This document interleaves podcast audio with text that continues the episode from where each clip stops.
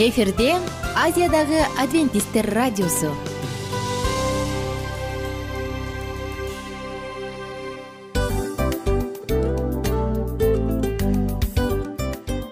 Достор салют. Баардык сүйүктүү угармандарыбызга салам айтабыз. Кутман күнүңүздөр менен. Ден соолук өмүрдүн булагы демекчи саламат саамы программасында баарыңыздарды көргөнүбүзгө абдан кубанычтабыз. Анда алгач амандашып өтөлү арбаңыздар деп. Ден соолугуңуздар кандай элибизде көбүнчө ден соолук кандай дегенде эле жакшы деп жооп беребиз э? ооруп турсак дагы жакшы дейбиз. Анан мен муну айтып ойлойт элем бул абдан сонун сөз депчи анткени бул жакшы деген үмүт да э ооба баары жакшы болот. Баары сонун. Деп үмүттөнүп атып эле өзүбүздү өзүбүз дарылап коебуз. Анысы кандай сиздин дагы ден соолугуңуз жакшы беш деген үмүттөбүз чындыгында ден соолук бул өмүрдүн булагы деп бекеринен айтылган эмес деп ойлойм. Кыргыз элинде анткени эгерде ден соолук жок болсо анда адамдын жашоосунда калган баардык керектүү маңыздуу нерселер өзүнүн баалуулугун жоготуп коет. Ошондуктан ден соолук бул эң керектүү нерсе. Ооба туура айтасың кесиптешим. Чынында ден соолугуң жок бир эки үч күн ооруп калсаң эле э кандай болуп калат? Жашоодо көз каранды болуп каласың көп нерсеге жетишпей каласың көп нерсени кыла албай каласың жада калса эшикке дүкөнгө да чыга албай каласың. Туптуура анан ден соолук болсо демек биз биздин бактыбыз тотой деп койсок болот. Анда достор саламат саамы рубрикабызды баштайлы. Алдыда өзүңүзгө керектүү болгон сонун кеңештерди уга аласыздар. Мына ошондуктан биз менен бирге болуңуздар. Ал эми биз болсо милан жана айнура. Кеттик алга. Алга саламат саама ден соолуктун жарчысы. Саламат саама ден соолуктун ачкычы. Күн сайын сиз үчүн мыкты кеңештер сонун жаңылыктар кызыктуу фактылар биздин рубрикада.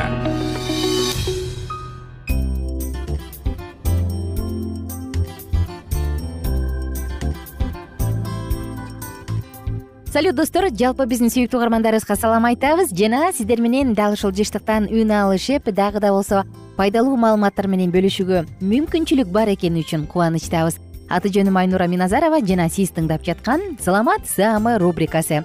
Бүгүн э, сиздер менен убада кылгандай эле э, өсүмдүк сүттөрү жөнүндө сөз кылып атабыз жана бүгүнкү тема соя сүтү деп аталат достор.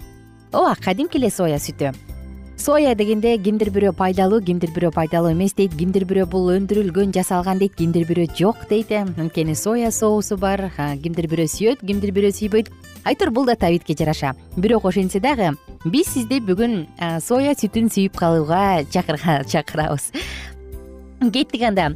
Соя сүтү баардык же болбосо соядан жасалган суусундуктардын баардыгы тең бул өсүмдүк сүттөрүнүн бирден бир бөлүгү бирден бир түрү. Алардын курамында май кислоталары омега үч май кислотасы белок бар болгондуктан ал дагы абдан пайдалуу деп саналат. Жана толук кандуу сүт болуп саналат. Мына ушундай достор эми касиети жөнүндө айта турган болсок соя сүтүндө баардык сүттөрдөн айырмаланып мында он беш эсеге көп темир камтылган уйдун сүтүнө салыштырмалуу. Жана ошондой эле ал соя сүтүндө кальций дагы абдан көп.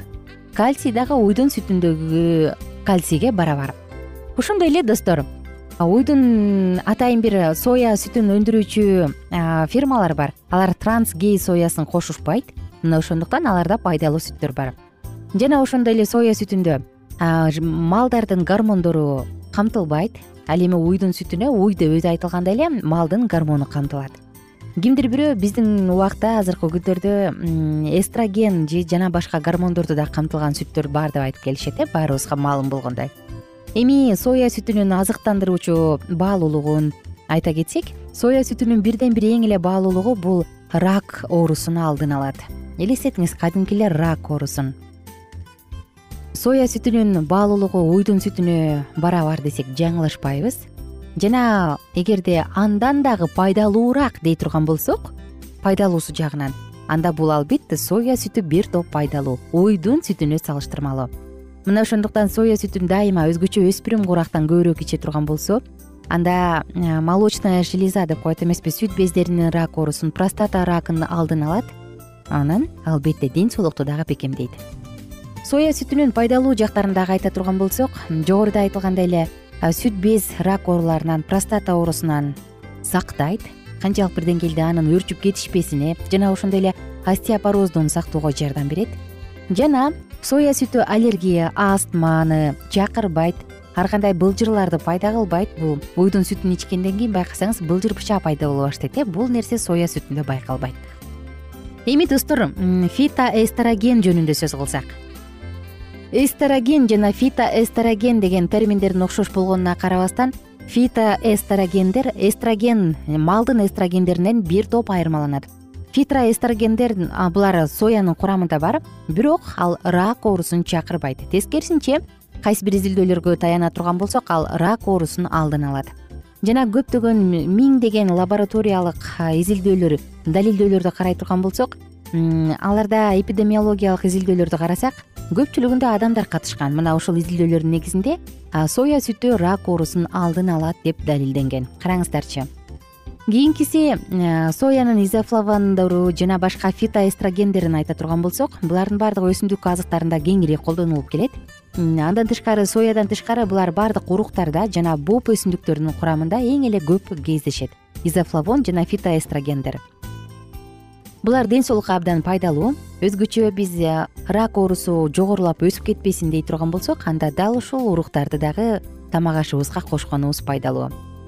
Көптөгөн изилдөөлөрдүн көрсөтмөлөрү тескерисинче башкача эффекттерди көрсөтүп келишет да алар э, малды негизинде э, карап көрүшкөн малдын сүтүн дайыма ичирип малдын этин жедирип көргөндө аларда тескерисинче рак оорулары өөрчүгөнү байкалган.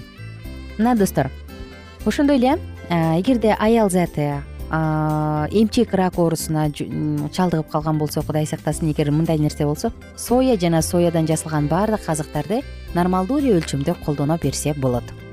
Соянын дагы бир пайдалуу жагын айта кетели бул соя сүтүндө изофлавондор бар жогоруда айтылгандай эле изофлавондор тери серпилгич жана чоюлчаак болуш үчүн териге коллагенди иштеп чыгарууга жардам берет. Мындан тышкары климакс менен күрөшүүдө дагы таасири чоң.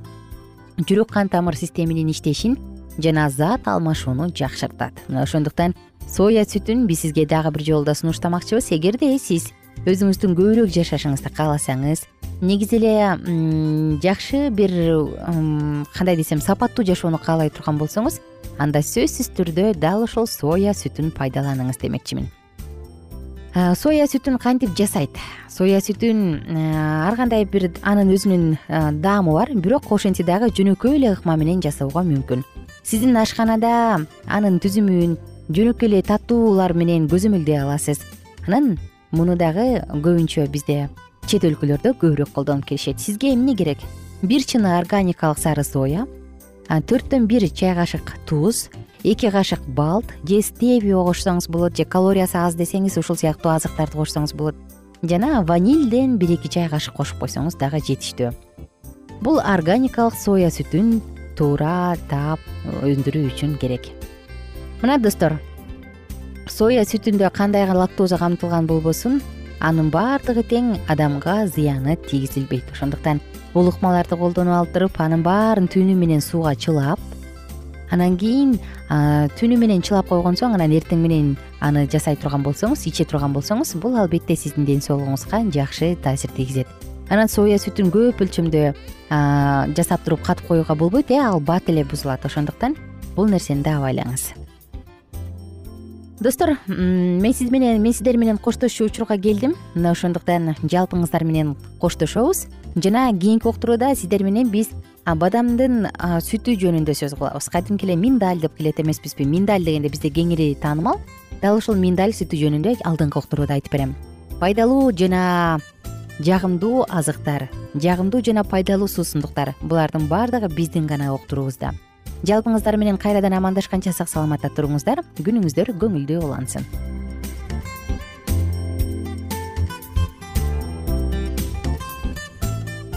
Кененирээк маалыматтар үчүн үч w чекит саламат чекит клуб сайтына келип таанышыңыздар. Жана андан тышкары социалдык тармактарда youtube facebook жана instagram баракчаларына катталыңыз саламат саама ден соолуктун жарчысы. Саламат саама ден соолуктун ачкычы. Күн сайын сиз үчүн мыкты кеңештер сонун жаңылыктар кызыктуу фактылар биздин рубрикада.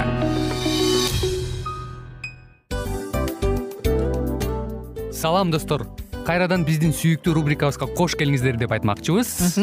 Баардык замандаштарыбызга арбаңыздар деп саламыбызды айтабыз. Улуу ушундай бир урматтаган учурашуу менен анан дил маек радио баракчабызга чакырабыз. Негизи дил маек биздин рубрикабызда эмне жөнүндө кеп кылабыз бул дил маектин мааниси эмнеде рубрикабыз менен кичине тааныштырып кетсеңиз. Сөзсүз түрдө тааныштыра кетейин кесиптешим суранычы боюнча бул учурда бул радио баракчада биз ар тарап кесип ээлеринен сонун кеңештерди алабыз сүйлөшөбүз сырдашабыз аталарыбыздын эжелерибиздин апаларыбыздын кеңештерин угабыз. Айтор жан дүйнөгө адамдын э, сапатына адамдын деги эле адам болуп жашашына керектүү баардык кеңештер алдыда негизи э, дил маек дегенде баягы эки адамдын ортосундагы сырдашуу кенен сүйлөшүү. Негизи эле биз адамдар бири бирибиз менен бир жерге жай жерге отуруп алып өзүнчө тынч э, жашоо жөнүндө өмүрүбүздө эмне болуп атканын бөлүшкөнү жакшы көрөбүз э адамдар. Ооба туура айтасың анан мындай учурга кээде убакыт да жетпей келет э. Же болбосо сырыңды кайгыңды муңуңду кубанычыңды айткың келет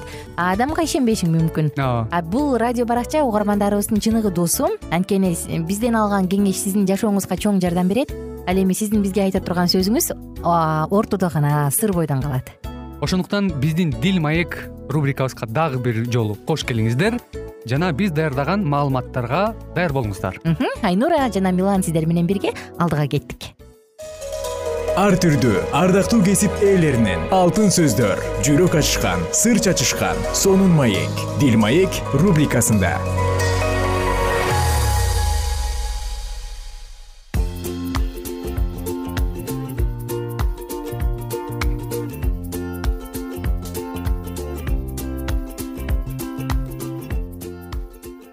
достор кандайсыздар угармандар? Жалпы биздин сүйүктүү угармандарыбызга салам айтабыз дагы. Дил маек уктуруусун баштадык. Бүгүн сиздер менен бирге эненин аткара турган милдети жөнүндө сөз кылабыз. Эненин милдети. Бул уктуруу бактылуу цикл үй бүлөсүнө арналган жана сиздер менен бирге бактылуу үй бүлөнү куруш үчүн эмне кылыш керек? Мына ушул тууралуу сонун эрежелерди бөлүшүп жаткан учурубуз. Анда эмесе энеге бүгүн арналуучу тема. Өз тагында олтурган падышанын жумушу эненин жумушунан зарыл эмес дейт. Караңыздарчы эненин жумушу канчалык деңгээлде зор бааланган. Аял киши башталышта кудай ал үчүн бөлүп койгон абалын ээлегени дурус. Ал жолдошуна теңдеш. Дүйнө сөзү менен гана эмес жашоосунда дагы ошондой назик болгон энелерге муктаж. Биз ишенимдүүлүк менен кээ бир эненин милдети атанын милдетине караганда касиеттүүрөөк деп айтып калабыз э жана мындай айтуу туура ошондуктан эне өз милдетинин касиеттүүлүгүн сезип өз балдарын бул дүйнөгө бир үлүшүн алып келип жана жогорку дүйнөнүн үй бүлөсүнүн мүчөсү боло тургандай кылып тарбиялаганы кандай жакшы. Балдарды мындайча алар өз энесине алар үчүн кам көрүүчү күң катары эмес тескерисинче ханыша катары сыйлоого үйрөткөнү дурус. Ал өз үйүн эне кадырын сактап акылмандуулук менен башкарышка милдеттүү анын үй бүлөгө тийгизген таасири жогорку даражада болушу керек. Эне сөзү заң. Аял кишилер көпчүлүк учурда өз эмгегин баалабайт э? Аны күндөгүдөй эле кыйын жана зериктирме үй тиричилик милдети катары эсептешет. Ал ар дайым ошол эле бүтпөгөн тириликти күндөн күнгө аптадан аптага эч кандай тыянак көрбөстөн эле аткара берет. Күнүгө тамак жасайт үй жыйнайт кир жууйт балдарын жуунтат кийимди бүктөйт салат үтүктөйт төшөк салат төшөк жыйнайт айтор түйшүгү түмөн. Күн аяктаганда ал иштеп бүтүргөн майда баракат жумуштарынын бирин дагы эстей албай калат э? Апалар кошулат болушуңуздар керек. Ал өз жолдошунун жумуштагы көрүнүктүү ийгиликтерин көрүп көрүнүктүү эч нерсе кыла албагандыгын сезет. Эр адам үйүнө келери менен көтөрүңкү жана өзүнө ыраазы болуучулук менен бул күндө эмнелерди иштеп бүтүргөндүгүн эсептеп айтып бере баштайт. Анын пикири энди жубайы ага тейлөө көрсөтүүсү керек деп күбөлөндүрөт анткени жубайы өзгөчө эч нерсе кылган жок. Бул эркектин ою балдарга карап тамак аш даярдап жана үй ичин иреттештиргенден башка ошол себептен ал ушунчалык терең кайгырды болуш керек. Жолдошу сындап айыптап буйрук бере баштайт ал өзүн жогорку башкаруучу эсептейт. Кана бүгүн кечке эмне кылдың дейт э?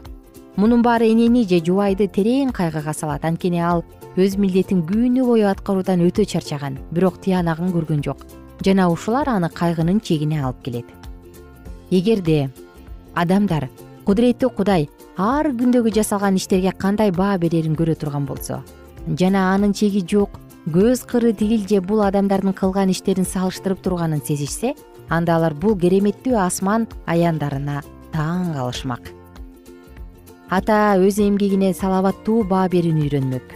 Ошондо эне өз кайратын сезип өз кызматын акылмандуулук тырышчаактык жана чыдамдуулук менен аткарууга күч алмак ата качан кыйроого аргасыз жана өтүп кете турган нерселерге мамиле кылууну билгенде эне өз балдарынын аң сезиминин жана мүнөзүнүн жеткилиңдүү болушу үчүн бул өмүрү үчүн гана эмес бирок түбөлүктүү үчүн дагы эмгектенет. Кудайдан келген тапшырма бар э? Келиңиздер ушул тууралуу сөз кылалы аял кишилердин баардык өмүр иштериндеги эң эле касиеттүү болуп саналганы бул эненин балдарга болгон милдети бирок бул милдет көпчүлүк учурда өз милдеттерин канагаттандырыш үчүн өз кызыкчылыгын ойлогондуктан четке кагылат. Ата энелерге балдардын бул дүйнөдөгү жана түбөлүктөгү кызыкчылыгы дайындалган. Мода жана каада салттар өтө жаман болсо деле жаштардын үстүнөн чоң бийликке ээ кошулат болушуңуз керек. Эгерде эне өз милдети тууралуу унутуп коюп өз балдарын үйрөтүп алар менен башкарып жана бекем кармай турган болбосо анда сөз жок балдар жамандыкты кабыл алып жана жакшылыктан баш тартышат. Кудайга сыйынууда мындай деп айткыла бизди балдарыбызга кандай тарбия берип жана аларга кандай кайрылуу керек экенин үйрөтө көр деп. Кудай өз сөзүндө берип койгон кеңештерге кайрылгыла жана силер муктаж болгон даанышмандыкты аласыңар. Караңыздарчы достор кандай гана сонун сөздөр. Эгерде ата эне эне өзгөчө балдарына жакшы мамилени бере албаса аларды башкарып бекем кармаганды билбесе өз балдарын үйрөтпөсө өзүнүн милдетин унутуп кое турган болсо анда бул дүйнөнүн модасы бул дүйнөнүн жаман бир касиеттүү таасирлеринин баары балдарга сөзсүз таасир этет. Андан тышкары энелер бар э азыркы учурда. Атасы менен тең тайлашып же атанын милдетин аткарып жан талашып иштеп акча табайын дегендер. Алар балдарынын оорубаганына курсагы ток экенине сүйүнөт дагы анан баардык нерсе кийин болот кийин кылат шашпай калам дейт дагы көңүл бурганга алы да калбай калат. Мына ошондуктан карап отурсаң бул абдан эле мындай туюк шакекче да? Ал шакекче да мындай. Эгерде эркек өзүнүн милдетин аткарбаса аял дагы өзүнүн милдетин аткара албайт. Эгер эркек өзүнүн милдетин аткарып үй бүлөнү камсыздай албаса анда айла жок балдарын ачка коймок беле. Аял дагы ал ошол түйшүктү бөлүшүп үй бүлөсүнө кам көрүп үй бүлөсүнүн бактысы үчүн үй бүлөсүнүн жетиштүү жашоосу үчүн жан талашып иштей баштайт. Аял дагы иштесе анда албетте балдар кароосуз калат мындай жаатта баланы тарбиялоого аялдын күчү жетпей калат. Тагыраак айтканда убактысы жок болуп калат. Жан талашып келип тамак жасайт жан талашып келип балдарын жуунтук тазалайт. Алардын таза болгонуна курсагы ток экенине дени сак экенине кубанат дагы кийинки күн кайра эле ушундай түйшүк менен башталат. Менимче дүйнөдө бир дагы эне жок болуш керек э балдары менен убакыт өткөрүүнү каалабаган балдарына убакыт бөлүүнү каалабаган бир да аял заты жок болуш керек. Эгерде ардактуу мырзалар сиздер келинчегиңиздин сиз менен кошо жарашып иштеп жатканын көрсөңүз. Келинчегиңиздин сизге жардам берейин деп атканын көрсөңүз. Ошого карабай жан талашып үйдөгү тазалыкты үйдөгү уютту жайлуулукту кармайын деп атса ошону менен бирге материалдык жактан бир аз болсо да жардам берейин деп турса келип тамак ашын даярдап сизди күтүп алып атса анда сиз андай аялдын бутун эле өбүшүңүз керек да.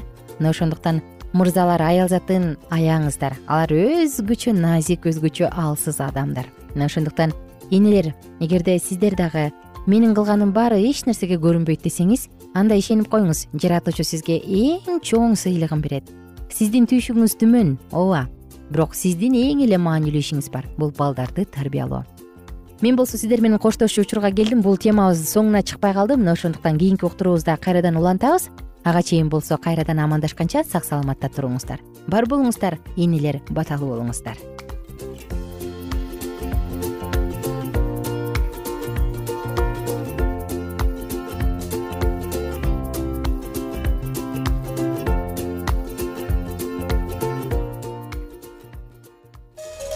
ар түрдүү ардактуу кесип ээлеринен. Алтын сөздөр жүрөк ачышкан сыр чачышкан сонун маек. Дил маек рубрикасында.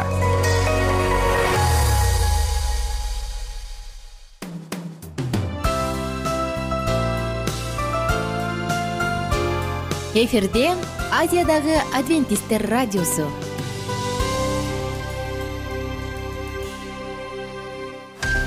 жан дүйнөңдү байыткан жүрөгүңдү азыктанткан жашооңо маңыз тартуулаган жан азык рубрикасы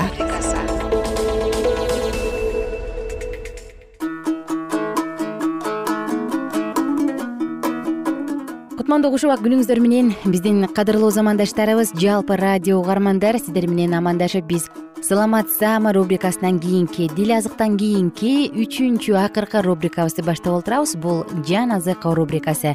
Жалпыңыздар менен келиңиздер. Бул мүнөттөрдө дагы жан дүйнөбүздү азыктандырып өзүбүзгө жакшы бир сонун байлыктарды топтойлу анда эмесе саатыбызды баштадык. Лука жазган жакшы кабар он үчүнчү бөлүм. Он сегизинчи аяттан ары уланталы. Анан ыйса мындай деди. Кудайдын падышачылыгы эмнеге окшош? Аны эмнеге окшоштурсам болот? Ал сары кычы данына окшош. Бир адам аны өз бакчасына септи. Ал өсүп чыгып чоң дарак болду. Ошондо анын бутактарына канаттуу куштар уялашты ыйса дагы мындай деди. Кудайдын падышачылыгын эмнеге окшоштурсам болот ал камыр ачыткыга окшош. Бир аял камыр ачытыш үчүн аны алып үч ченем унга кошот. Ыйса шаарлар менен айыл кыштактарды аралап элди окутуп иерусалимге карай бара жатты. Бирөө андан теңир чын эле куткарыла тургандар аз болобу? деп сурады ошондо ыйса аларга мындай деди. Тар эшиктен кирүүгө аракеттенгиле силерге айтып коеюн көптөр кирүүгө аракеттенишет бирок кире алышпайт. Үй ээси туруп эшикти бекиткенден кийин силер сыртта туруп алып эшикти каккылай баштайсыңар да теңир теңир эшикти ач деп айтасыңар. Бирок ал силерге силердин ким экениңерди кайдан экениңерди билбейм деп жооп берет. Ошондо силер биз сени менен эле чогуу тамактанып жүрчүбүз. Сен биздин көчөлөрүбүздү окутчусуң деп айтасыңар. Бирок ал силердин кайдан экениңерди билбейм. Эй адилетсиздик кылуучулар баарыңар менин жанымдан кеткиле деп айтат. Силер ыбрайымды ыскакты жакыпты жана бардык пайгамбарларды кудайдын падышачылыгынан ал эми өзүңөрдүн тышка куулуп чыкканыңарды көргөнүңөрдө боздоп ыйлап кыйналып тиш кычыратасыңар. Ошондо чыгыш менен батыштан түндүк менен түштүктөн адамдар келип кудайдын падышачылыгындагы дасторконго отурушат. Ошентип биринчилер акыркы акыркылар биринчи болушат. Ошол учурда кээ бир фарисейлер ыйсанын алдына келип бул жерден кет анткени ирод сени өлтүргүсү келип жатат дешти. Ошондо ыйса аларга мындай деди. Силер ал түлкүгө барып айткыла. Мен бүгүн эртең жиндерди кууп ооруларды айыктырып үчүнчү күнү аяктайм. Бирок мен бүгүн эртең жана бүрсү күнү жол жүрүшүм керек. Анткени пайгамбардын иерусалимден башка жерде өлүшүнө жол берилбейт. Иерусалим пайгамбарларды өлтүрүп өзүңө жиберилгендерди таш бараңга алган иерусалим канаттуу өз балапандарын канатынын астына чогулткандай мен да канча ирет сенин балдарыңды чогултууну кааладым бирок сен каалаган жоксуң. Мына үйүң ээн калат. Сага айтып коеюн теңирдин атынан келе жатканга даңк деп айта турган убакыт келгенге чейин мени көрбөйсүң. Лука жазган жакшы кабар он төртүнчү бөлүм.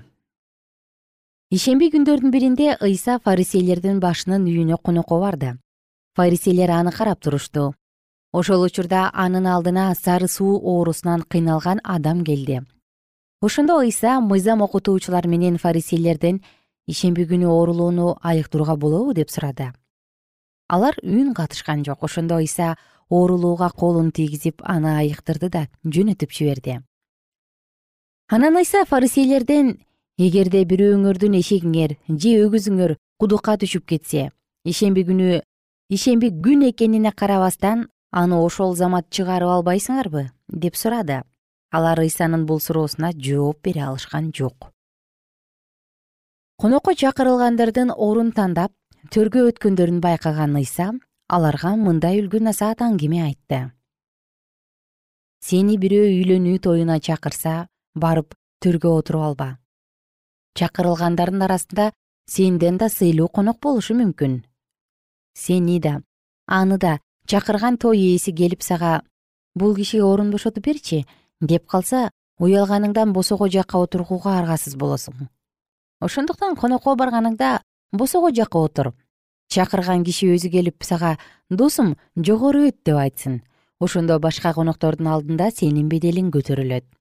Анткени өзүн өзү көтөргөн адам басынтылат ал эми өзүн басынткан адам көтөрүлөт. Ыйса өзүн чакырган кишиге да мындай деди. Түшкү же кечки тамакка досторуңду бир туугандарыңды тууган уругуңду бай кошуналарыңды чакырба анткени алар кайра өзүңдү чакырып бергениңди кайтарышат. Тескерисинче жардыларды мунжуларды аксактарды сокурларды чакыр. Алар сага кайтарып бере алышпагандыгы үчүн бактылуу болосуң. Анткени сенин тиешең адил адамдар тирилгенде берилет. Муну укканда ыйса менен бир дасторкондо отургандардын бири ага кудайдын падышачылыгынан даам тата турган адам бактылуу деди ошондо ыйса ага мындай деди. Бир адам кечкиге чоң дасторкон даярдап көп конок чакырат. Тамак ичер убакыты болгондо ал чакырган адамдарына келгиле баары даяр болду деп кулунан айттырып жиберет. Бирок сүйлөшүп алгансып баары тең кечирим сурай башташат. Алардын бири ага мен жер сатып алдым эле аны барып көрүшүм керек суранам мени кечирип койчу деп айттырып жиберет. Экинчиси болсо мен он өгүз сатып алдым эле ошолорду сынап көргөнү барам.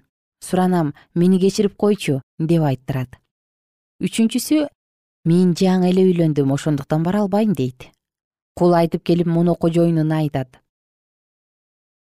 Ошондо үй ээси каарданып кулуна сен тезинен шаардын чоң кичине көчөлөрүн аралап жардыларды мунжуларды аксактарды жана сокурларды бул жерге алып кел деп айтат. Кул барып келип кожоюн буйругуң ордондолду бирок дагы орун бар дейт ошондо кожоюн кулуна жол боюндагыларды шаар тосмосунун сыртындагыларды келүүгө аргасыз кыл менин үйүм толсун. Анткени силерге айтып коеюн мурунку чакырылгандардын эч кимиси менин кечки тамагымдан даам татпайт. Анткени чакырылгандар көп бирок тандалгандар аз деп айтат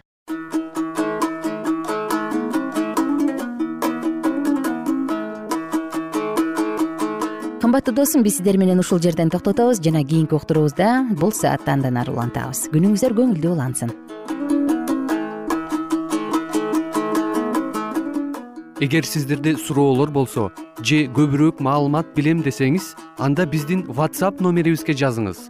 Плюс бир үч жүз бир жети жүз алтымыш алтымыш жетимиш. Кайрадан плюс бир үч жүз бир жети жүз алтымыш алтымыш жетимиш.